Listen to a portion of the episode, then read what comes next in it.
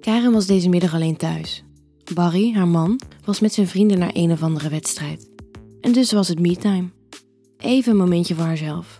Met een wijntje in de hand zat Karen in de tuin te genieten van de voorjaarszon met haar ontblote benen. Gedachteloos bladerde ze door het internet op haar iPad toen ze op een artikel stuitte op de website van een damesblaadje. Het artikel ging over de orgasmekloof. Tot dat moment had ze nooit zo stilgestaan bij de orgasme-ongelijkheid tussen haar en Barry. Het zette haar aan het denken. Het was op dat moment dat ze zich realiseerde dat de sleur een sluipmoordenaar was. Zeker, ze hadden heus nog wel seks, maar het was een beetje een huishoudelijk klusje geworden. Het hoorde er een beetje bij, zoals de was toen en de ramenzemen. En nu ze erover nadacht, moest ze bekennen dat ze lang niet altijd klaar kwam. Tot nu toe was ze er een beetje van uitgegaan dat dat erbij hoorde.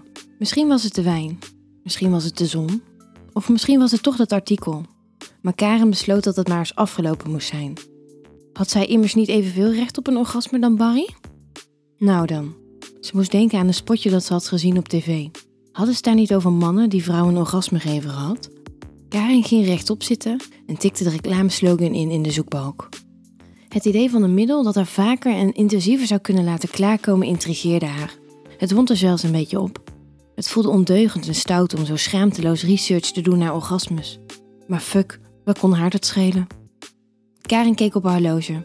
Er was nog tijd. Resoluut stond ze op. In de drogisterij bekoelde haar vastberadenheid. Karen voelde bloed naar haar hoofd stijgen.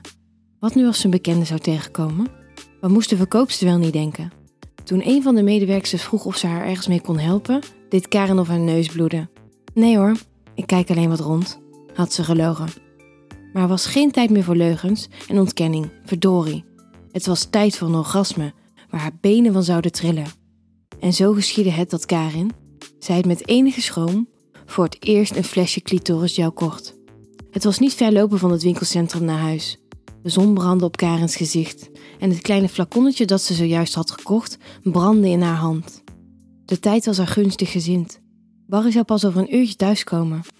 Hoewel er niemand anders thuis was, sloop Karen stiekem naar de slaapkamer.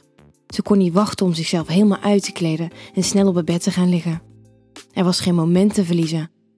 Voorzichtig liet ze een paar druppeltjes van het serum op haar vingers vallen. Het rook naar niets. Het was nu of nooit. Karen stak haar hand tussen haar benen en verspreidde de vloeistof. De eerste seconde leek er niets te gebeuren, maar voor ze tijd had om teleurgesteld te raken, begon een licht brandende tinteling op te komen. Karen besloot om nog wat extra gel te gebruiken. Die smeerde ze met haar vingers tussen haar lipjes en over haar gevoelige knopje. Mijn god, zuchtte ze.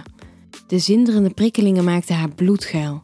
Het was een gevoel dat ze niet eerder had meegemaakt. De jeuk die de clitorisgel veroorzaakte was onweerstaanbaar en moest gestild worden. Met de vingervlugheid van de illusionist speelde Karen met zichzelf, tot ze, tot haar eigen verbazing, in een mum van tijd een orgasme wist op te wekken. Karen had het gevoel dat ze het ei van Columbus had gevonden. Met dit kleine flesje zou de orgasmekloof voor goed gedicht worden. Ze voelde nog steeds een zweempje van de kriebel die ze had veroorzaakt toen ze beneden de voordeur open hoorde gaan.